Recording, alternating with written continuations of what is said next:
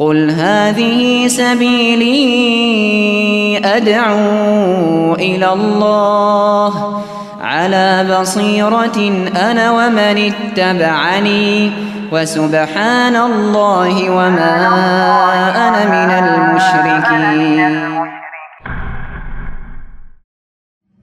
إن الحمد لله نحمده ونستعينه ونستغفره ونعوذ بالله من شرور أنفسنا ومن سيئات أعمالنا من يهده الله فلا مضل له ومن يضلل فلا هادي له وأشهد أن لا إله إلا الله وحده لا شريك له وأشهد أن محمدا عبده ورسوله اللهم صل على نبينا محمد وعلى آله ومن تبعهم بإحسان إلى يوم الدين اللهم إنا نسألك علما نافعا wa rizqan thayyiba wa amalan mutaqabbala. Allahumma inna na'udzubika min zawali ni'matik wa tahawuli afiyatik wa fujaati nikmatik wa jami'i sakhatik.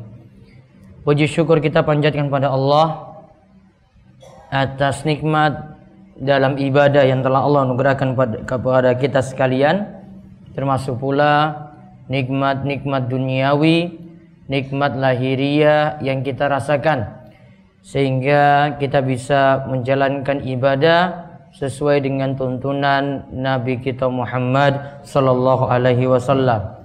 Dan semoga salawat dan salam tercurah kepada beliau, juga kepada para sahabat, juga kepada para tabi'in dan para ulama yang telah memberikan contoh yang baik kepada kita untuk beragama.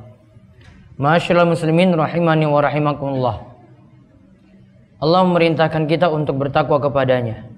Allah berfirman, "Ya ayyuhalladzina amanu taqullaha haqqa tuqatih wa la tamutunna illa wa antum muslimun." Wahai orang yang beriman, bertakwalah kalian kepada Allah dengan sebenar-benarnya takwa dan janganlah kalian itu mati kecuali dalam keadaan menjadi seorang muslim. Dan di antara bentuk takwa Allah memerintahkan kita untuk menjaga salat lima waktu. Hafizu ala salawati wa salatil wusta. Jagalah salat yang lima waktu dan juga jagalah salat wusta. Yaitu salat asar. Dan di antara syarat yang mesti dipenuhi ketika kita melaksanakan salat yaitu menjalankan wudhu dengan benar.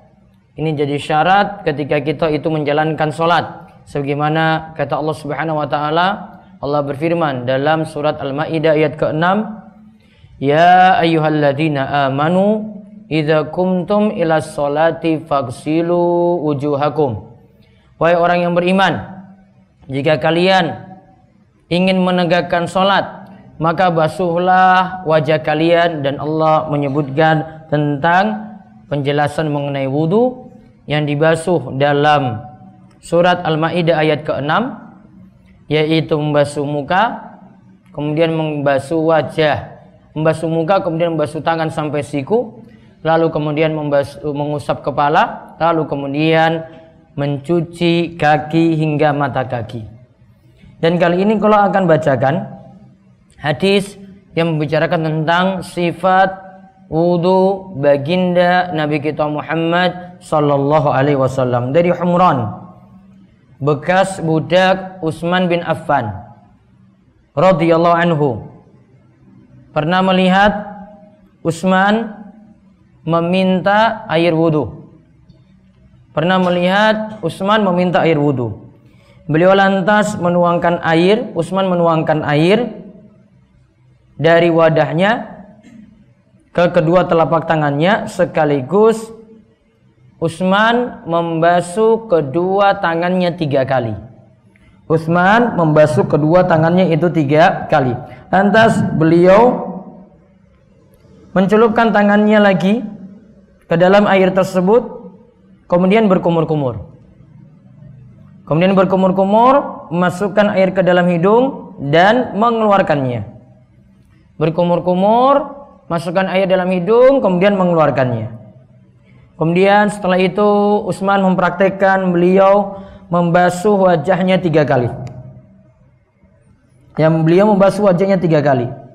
Kemudian Setelah itu beliau membasuh kedua tangannya sampai kedua sikunya tiga kali.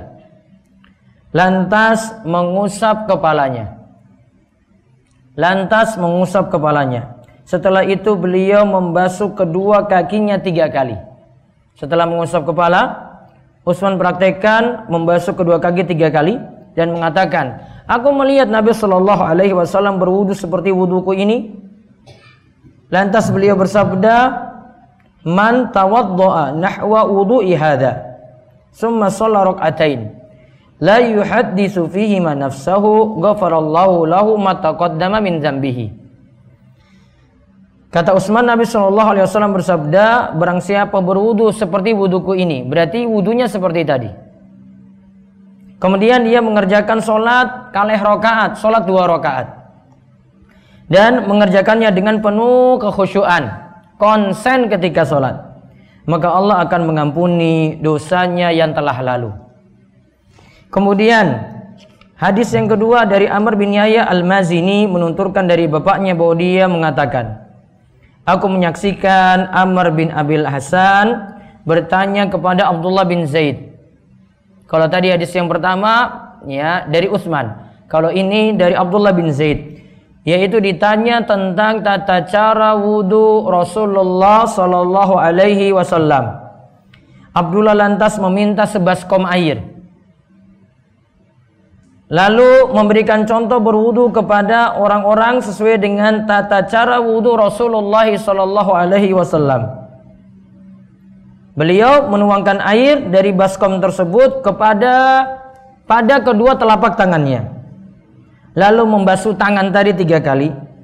Beliau lantas mencelupkan kedua tangannya ke dalam baskom tersebut, lalu berkumur-kumur masukkan air ke dalam mulut, kemudian masukkan air ke dalam hidung.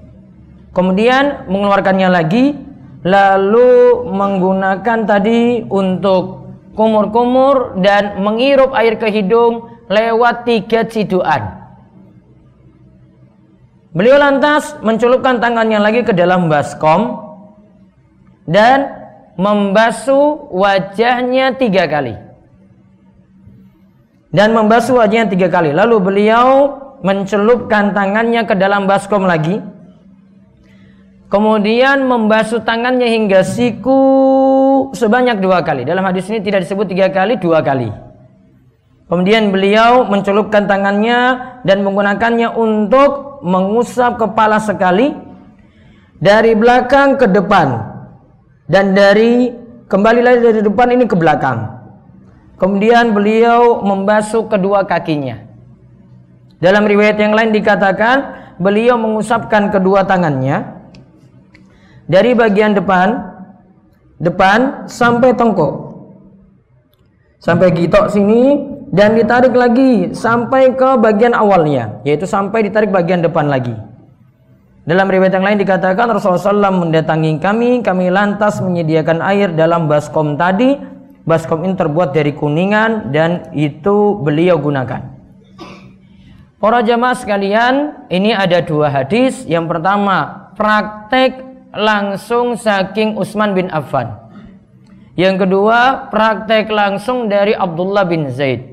Kesemuanya menerangkan sifat wudhu baginda Nabi kita Muhammad sallallahu alaihi wasallam. Kita simpulkan tata cara wudhu itu mulai dari basuh tangan tiga kali. Boleh kurang dari tiga. Yang tiga niku sunnah. Tidak boleh lebih daripada tiga karena sudah boros. Boleh minimal satu kali. Paling bagus tiga kali. Setelah itu kanjeng Nabi SAW sebagaimana tadi dicontohkan saking Utsman maupun Abdullah bin Zaid kumur-kumur. Niki saking satu ciduk seperti ini.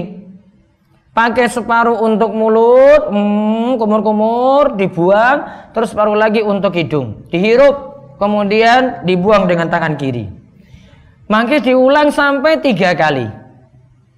Oke, diulang sampai tiga kali. Kumur-kumur kalian menghirup hidung, tadi menghirup air ke hidung, itu sampai tiga kali. Kemudian setelah itu ambil air baru lagi, boleh tangan itu dicelupkan ke dalam baskom atau dalam wadah. Berarti nggak mesti nggak keran. Lalu setelah itu basuh ini dengan air basuh muka. Ini batasan muka niki, bagian atas nih tumbuh rambut sampai janggut sini dan batas telinga. Niki bagian muka. Dibasuh tadi tiga kali. Setelah itu Nabi SAW itu contohkan lagi Sebagaimana dalam hadis Utsman dan Abdullah bin Zaid tadi, wudhu dengan mencuci tangan sampai siku. Sikutnya masuk. Masuk dalam basuhan. Diulang ini satu, dua, tiga. Kemudian yang kiri lagi satu, dua, tiga. Lalu setelah itu Nabi SAW ambil air lagi, airnya tidak perlu ngalir, cukup dibuat tangan dalam keadaan telas basah, Kemudian ngusap kepala. Tadi dicontohkan ada dua cara. Dalam hadis Abdullah bin Zaid, tarik dari depan ke belakang sampai gitok sini, sampai tengkuk. Kemudian tarik lagi dari tengkuk ini sampai depan. Atau dari dari belakang tarik ke depan. Tarik lagi ke belakang. Ya. Bisa memilih dua cara itu. Lalu kalau telinga nanti disebutkan dalam hadis yang lain wal udhunani minarasi. Dua telinga ini bagian saking kepala. Maka saking kepala jenengan tarik langsung ke telinga tanpa mesti ambil air yang baru. Dan itu cukup sepisan, cukup sekali karena kanjeng Nabi SAW itu contohkan sekali. Setelah itu cuci kaki yang kanan dulu, kaki sampai mata kaki sela-sela jari itu mangke dicuci terus yang kiri jenengan juga cuci tiga kali sela-sela jari itu mangke dicuci setelah itu rampung wonten doa setelah wudhu setelah itu disunahkan sholat kalih rokaat sholat sunnah wudhu Nah kata Nabi SAW siapa yang melakukan wudhu tadi sempurna seperti yang beliau lakukan. Berarti ada keutamaan kita ikut tuntunan kanjeng Nabi Wasallam. Setelah itu sholat kaleh rokaat, sholat sunnah wudhu, maka akan diampuni dosa-dosanya yang telah lalu. Di sini umum dosa kecil nopo dosa besar. Intinya wonten keutamaan jadi kita sebagai pengikut kanjeng Nabi kita Muhammad SAW manut pada tuntunan beliau dalam berwudu. Gak buat tata cara yang baru.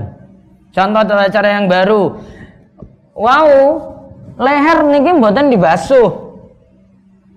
Tidak ada dalam tuntunan. Maka kita tidak basuh sampai situ. Contoh lagi untuk membasuh niki siku niki cuma sampai sikut saja. Jenengan tidak perlu membasuhnya sampai ya pundak sini. Itu sudah berlebihan.